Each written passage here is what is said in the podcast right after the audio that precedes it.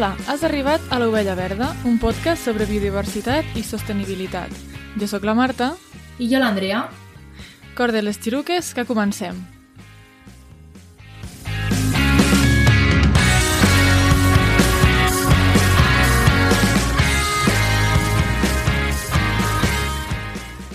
Aquest podcast pertany a la xarxa de podcast de ciència i medi ambient Podcastidae.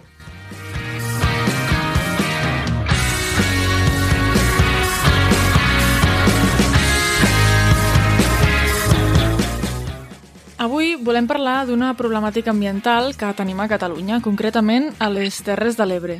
De fet, per desgràcia, segurament si pensem en Terres de l'Ebre ens en venen diferents no?, de problemàtiques al cap, uh, però avui venim a parlar de, del Delta de l'Ebre i de la seva regressió.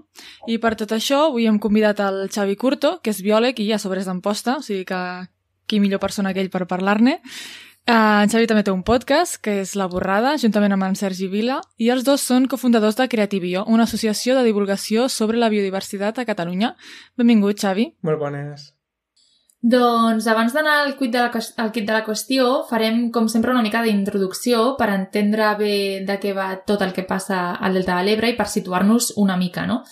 Uh, el Delta de l'Ebre, espero que tothom que ens escolti sàpiga on està, però bueno, està, es situa al sud de Catalunya, a la província de Tarragona, i és on desemboca el riu Ebre, que per cert neix a Cantàbria. I els deltes eh, es diuen així per la forma que tenen a la seva desembocadura.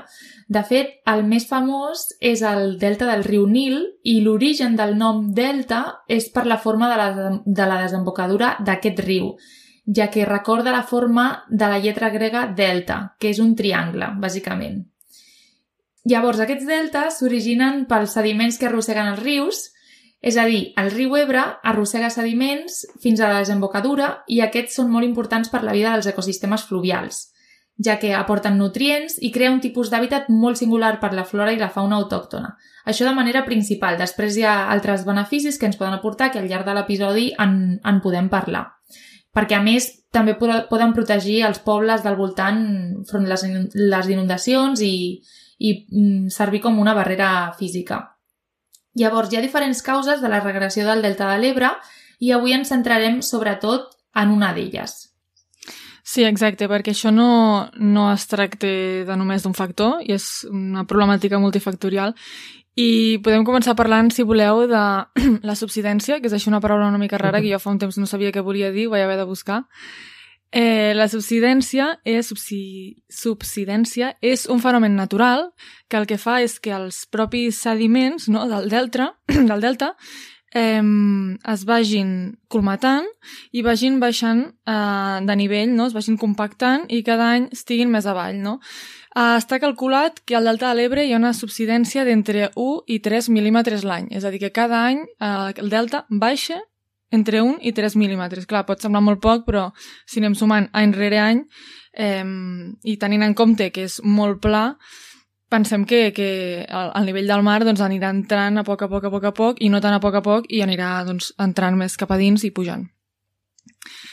Um, això és un, un fenomen natural, és a dir, que, que no es pot evitar, passa sí o sí.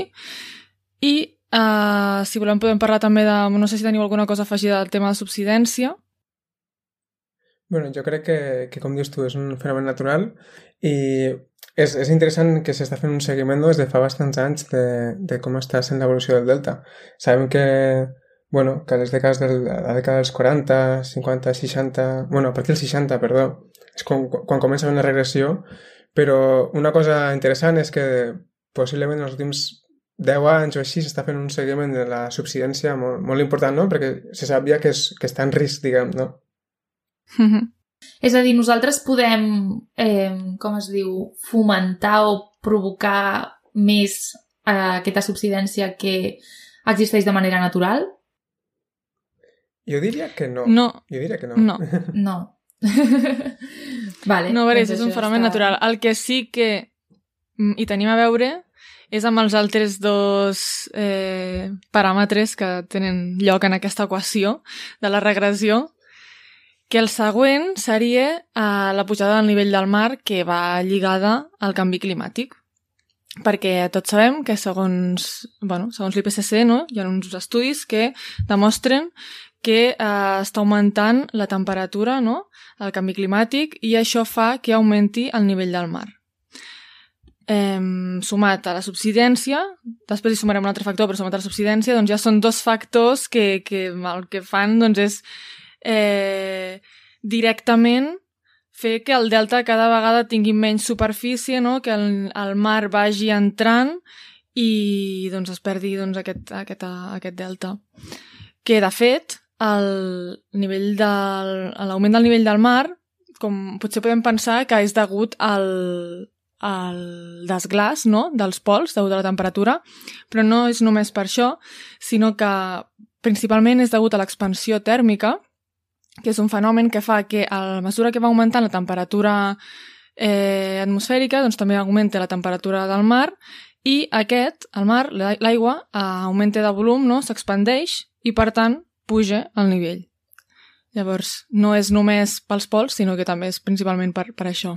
Sí, perquè a més la, la ciutadania bueno, acostumem a pensar que és pel desglàs dels pols però que, té, però que tens raó Marta, així que aprofitar aquest moment per afegir una altra cosa no? a part del desglàs. Eh, bueno, el canvi climàtic ja sabem no cal fer potser un episodi centrat en, en el canvi climàtic, però sabem quines són les seves causes principals i la primera o sigui, la, bueno, és antròpic, no?, aquest, aquest que es diu la sisena extinció massiva o aquest canvi climàtic o el, doncs, que està originat de manera antròpica, no? I que la primera causa és la, eh, com l'energia, no?, diguéssim, com la primera font d'emissions sí. de gasos d'efecte hivernacle... Sí, tot el que bueno, podríem començar per aquí. De CO2, metà... Principalment CO2, crec que el CO2 suposa un 60% més o menys dels gasos que conformen l'efecte hivernacle, no? I jo crec que, uh -huh. precisament, eh, és interessant ficar el tema del canvi climàtic, perquè a vegades se'n parla molt, no?, del canvi climàtic i, i sembla que sempre és la, la causa de tot. Però és que en aquest cas, sí, en aquest cas, comentàveu abans el tema de la subsidència. La subsidència s'estudia i s'analitza, però és un fenomen natural, no? El canvi climàtic sí que sabem que tenim nosaltres molta, molta incidència en la nostra activitat, però és que a més sabem, sabem que té un, molt més impacte en el que està sent la regressió del delta, no? Per tant, parlar de canvi climàtic té molt de sentit perquè, perquè té molt més impacte en, al, bueno, al comportar diguem, la pujada del nivell del mar. No? I per tant és interessant saber pues, com una zona fràgil eh, s'està està encarant això. No? Sí, de fet tinc aquí una dada, que és que en el cas més optimista de tots, a finals de segle el nivell del mar augmentarà 30 centímetres. I això és en el més optimista, que ja veurem si, si serà així o serà pitjor, no? Però vull dir que augmentarà segur. Vale, fem un incís per dir que acabarem bé aquest episodi, vale? No, sí. no serà Se, sense drames, vale? Acabarem, acabarem bé, ja veureu, que acabareu amb motivació. sí, és important, eh? Acabar amb, amb un regust de, de boca. Sí, sí, bueno, i si voleu podem passar al tema on, on tenim més marro, no? on, on, hi ha més, on hi ha més xitxa, que és el tema de les preses i els embassaments que, bueno, hi ha una dada que buscant, buscant, buscant informació, eh, clar, jo sabia una mica sobre, o sigui, sobre el tema, havia sentit perquè hi ha entitats fent activisme i és per on jo m'he assabentat d'aquesta problemàtica i llegint vaig veure que, és que ha mm, al, al voltant de la conca o al llarg de la conca de, hidrogràfica del riu Ebre hi ha gairebé 200 embassaments eh, fins al llarg del riu Ebre, no? Llavors això fa que, eh, que encara estigui més en, en regressió, no? És a dir, ja es, fa, es vol aprofitar l'energia, la força de, del riu, i el que fan és que vale, a vegades pot baixar l'aigua, tot i que és un cabal que controla que està controlat per, la, per les preses a, eh, i els embassaments, i els sediments es queden bloquejats a, a les preses i fan que, i aquesta dada també em va sorprendre molt, que entre el 96 i el 99% dels sediments no estan arribant al delta de l'Ebre. Clar, i anem malament, no? Si el Delta de l'Ebre es, eh, es construeix o, o neix o va vivint eh, gràcies als sediments i el 99%, d'entre el 96 i el 99, es queden bloquejats els embassaments, eh, 2 més 2 igual a 4. Està clar que no anem bé, no? clar, és que pel que heu explicat, la subsidència, doncs, eh, fenomen natural, no? Però el delta va rebent sediments i va creixent i segueix... O sigui, és com eh, vale, hi ha una subsidència, però a més, com va rebent sediments, va creixent, no? Però va haver-hi un moment, fins als anys 40-50, que es van construir les preses i llavors va deixar de créixer. No només que va deixar de créixer, sinó que hi ha zones on estan en, en regressió, com zones de, com el Trabucador, els Careixos de Buda, la Marquesa, la Bassa de l'Arena i, i altres, suposo. Sí, és que les dades són, són molt grans. Eh? eh estem parlant de que el 1950 més o menys abans que comencen la, la construcció de les grans preses que tenen més impacte directe al delta, al, al delta de l'Ebre en si, estem parlant de més o menys entre 10 i 20 milions de tones cada any de, de sediments, 10 o 20 milions de tones, i ara estaríem parlant d'unes 90.000 tones. És a dir, la magnitud és, és, és molt diferent. Jo estava mirant i he vist que per alguns estudis eh, comentaven que farien falta ara mateix entre 1 i 2 milions de tones per a mantenir el delta, ¿vale? entre 1 i 2 milions, que continua sent bastant, bastanta diferència del que rep, no? I del que es va rebre fa, fa unes dècades. Uh -huh. I és molt interessant perquè la gent a més això pot buscar a casa. Eh, hi ha mapes que comparen com estava el delta pues, a 1950, 1960 i ara, no? I, i és increïble veure com, com, com a, la reacció que ha tingut, diguem, en, en, en mig segle, no? Realment és, és, o és una cosa molt gràfica, a més hi ha mapes comparatius que, que mostra molt clar el, el que està passant, no? Que és que realment és molt ràpid també, perquè 50 anys és molt, molt poc. I a més en termes geològics, que vull dir, un delta al final no és de ser això, no? És, no sé, és una magnitud que 50 anys és molt, molt poc. Eh, I bueno, per aquests sediments, bueno, jo volia preguntar també, per aquests sediments que es queden um, segrestats a aquests, embassaments o aquestes preses, hi ha alguna solució? Es poden fer passar d'alguna manera? Jo he llegit que hi ha solucions, el que passa que no entenc per què no s'estan duent a terme. bueno, també he llegit una cosa al respecte, però a veure. eh, o sigui, el, el, el més lògic i el més barat i el que s'ha de fer per llei és obrir les, les portes de fons, que són les que estan a sota de tot, de les preses. El que passa que, com estan bloquejades, eh, no les estan obrint perquè és que no es poden obrir. bueno, no es poden obrir. I fins i tot he llegit en un documental eh, que, que, tenien, que deien que tenien por d'obrir-les i no poder-les tancar. Mm -hmm. Que, clar, que faria com molta vergonya, no?, no poder-les tancar, però s'haurien d'obrir, a més, per, per seguretat, per llei, per si hi ha una riuada, saber que tu tens aquella opció de poder-les obrir. I no ho estan fent, igual que tampoc estan fent que es veu que l'empresa que ho porta, que és eh, Endesa, eh, o suposo que una d'elles, eh, no ho sé, però jo he sentit molt el nom d'Endesa, de, que hauria de donar un 20% dels beneficis anuals i tampoc ho està fent. O sigui, no està ni obrint les comportes un cop a l'any ni donant un 20% d'aquests diners. Eh, no els ha donat en, en tots aquests anys. Llavors, en breu s'acabarà les concessions i en principi, eh, doncs què es faran amb aquests diners? Perquè es podrien aprofitar per un bon manteniment de les preses perquè es vagin obrint, que es faci un bon anàlisi d'aquells sediments si estan en bon estat perquè s'han d'obrir que corrin els sediments. O sigui, el, el, al final el delta de l'Ebre necessita aigua i sediments per aquest aport de nutrients i perquè no desaparegui. Imagino que deu ser molt complex ja.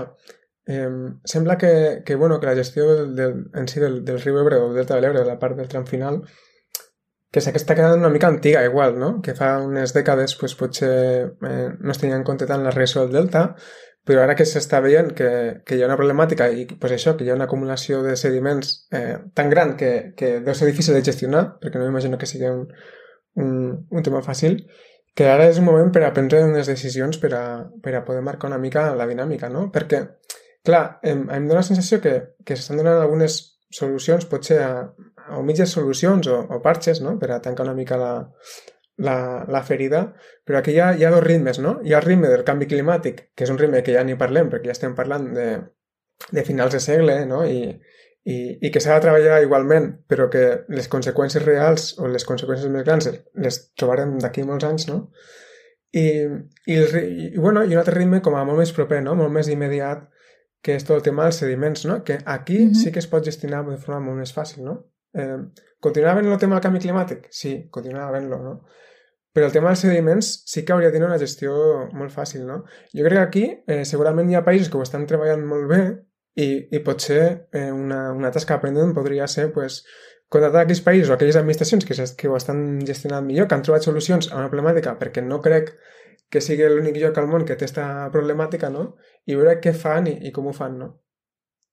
Mm -hmm. Exacte. De fet, estaves parlant de, de que estaven ficant parxes i això, i és que jo he vist que hi ha altres dues solucions eh, o alternatives a no obrir les comportes i és fer un bypass per hidrosucció, vale? un terme que he après recentment, però vaja, que com no poden obrir les comportes, doncs és simplement, um, um, bueno, imaginem-nos algú molt senzill vale? als nostres caps, un tub, agafar sediments de, dintre de l'embassament i pugen per al tub, diguéssim, i tornen a baixar pel riu, que és una mica més car, que, que obrir les portes, evidentment, per, per metre cúbic no? són uns euros més cars. I el que sí que l'opció més cara i que és, in, és inviable, o sigui, és insostenible a, a llarg plaç, és moure sediments en grues i camions d'un lloc a l'altre. O sigui, això sí que és que no pot ser que tinguem que aquesta sigui la solució. O sigui, si fem unes preses i uns embassaments per aprofitar la força del riu, eh, i doncs hem de ser conseqüents amb, amb el que pugui passar, amb els impactes, no? I aportar solucions, perquè no podem tenir beneficis d'un lloc i perdre per un altre. Sí. Clar, és que tampoc té sentit, vull dir, el riu ha de servir també perquè baixin els sediments, si els traiem els posem en camions, o sigui, per mi al meu cap això té zero sentit, perquè com el que dius deu ser caríssim. Però, sí, jo crec sí. que això potser és, potser és una opció viable pues, en moments molt concrets, per exemple, el temporal Glòria o, en temporals que on, mm, jo que sé, el temporal Glòria, eh, la mar va entrar com a 4 quilòmetres endins, no?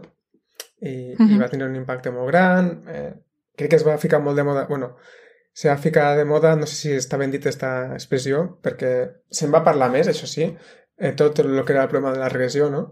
I del delta en si. I va ser quan, quan ens vam veure que la, la barra del Trabucador, que la barra del sud, estava trencada, no? I ja pues, no hi havia accés, no? I, i era molt visible com un temporal que a més torna a estar relacionat amb el canvi climàtic, perquè més canvi climàtic implica més temporals i més eh, episodis extrems de, de, de clima, no? Jo crec que la, el tema de moure sediments pot ser una, una, pues una solució temporal per a quan hi ha pues, eh, impactes molt grans en punts concrets i molt fràgils i vols una mica mantenir l'ecosistema el millor possible. Però ho veig més com un simplement, pues, no, això, evitar com... O sigui, acceptar que hi ha una regressió i simplement pues, ralentitzar-la o, o potser minimitzar-la, però no trobar la solució, sinó que simplement pues, acceptar que això passarà i tal, no? I és un, això, una filosofia que, que no, és, no és gens disruptiva, simplement és una mica anar mantenint la situació dins del cap, però sense trobar una solució real, no? Sí.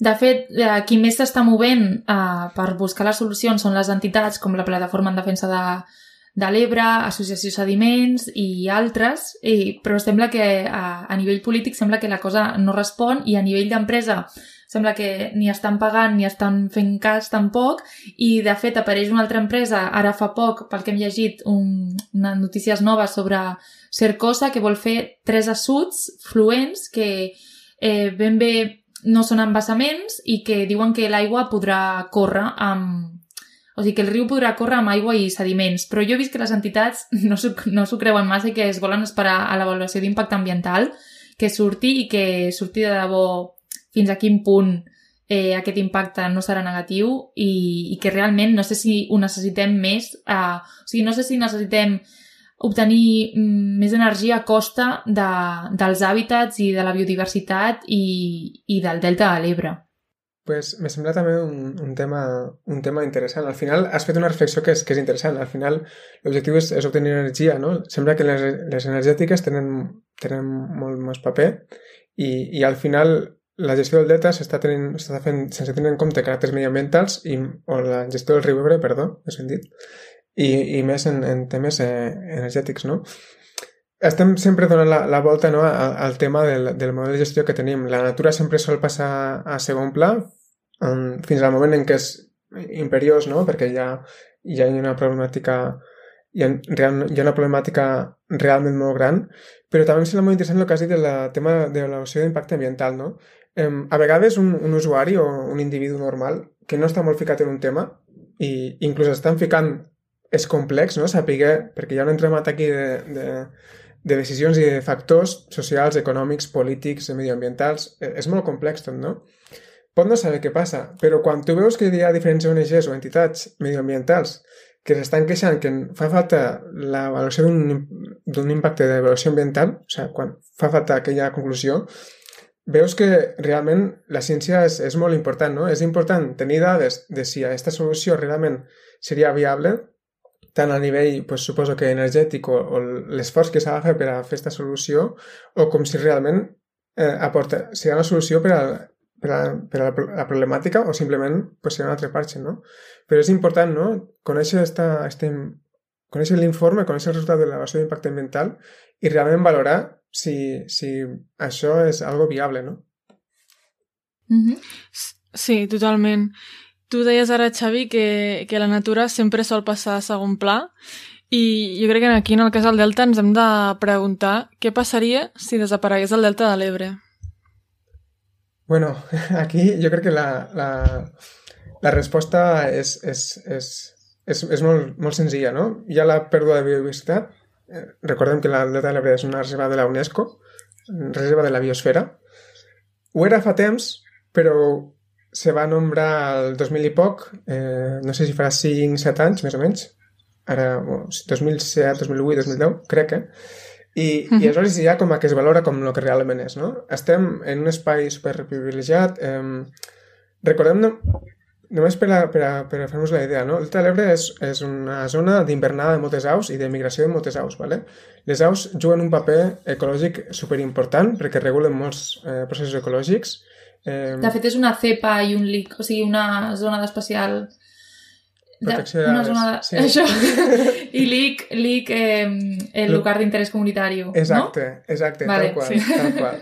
Per tant, ja només en això ja tenim una zona que és, és superimportant per a un grup tan ben estudiat a nivell de biologia i tan important en molts de processos com són les aus, però moltes espècies de flora i fauna que estan allà, que són espècies també molt curioses perquè és, un delta al final és una, un espai de transició entre l'aigua dolça i l'aigua salada, no? Per tant, hi ha espècies eh, amb nínxols molt interessants i que fan processos molt interessants i per tant hi ha una, una biodiversitat allà molt, molt important, no?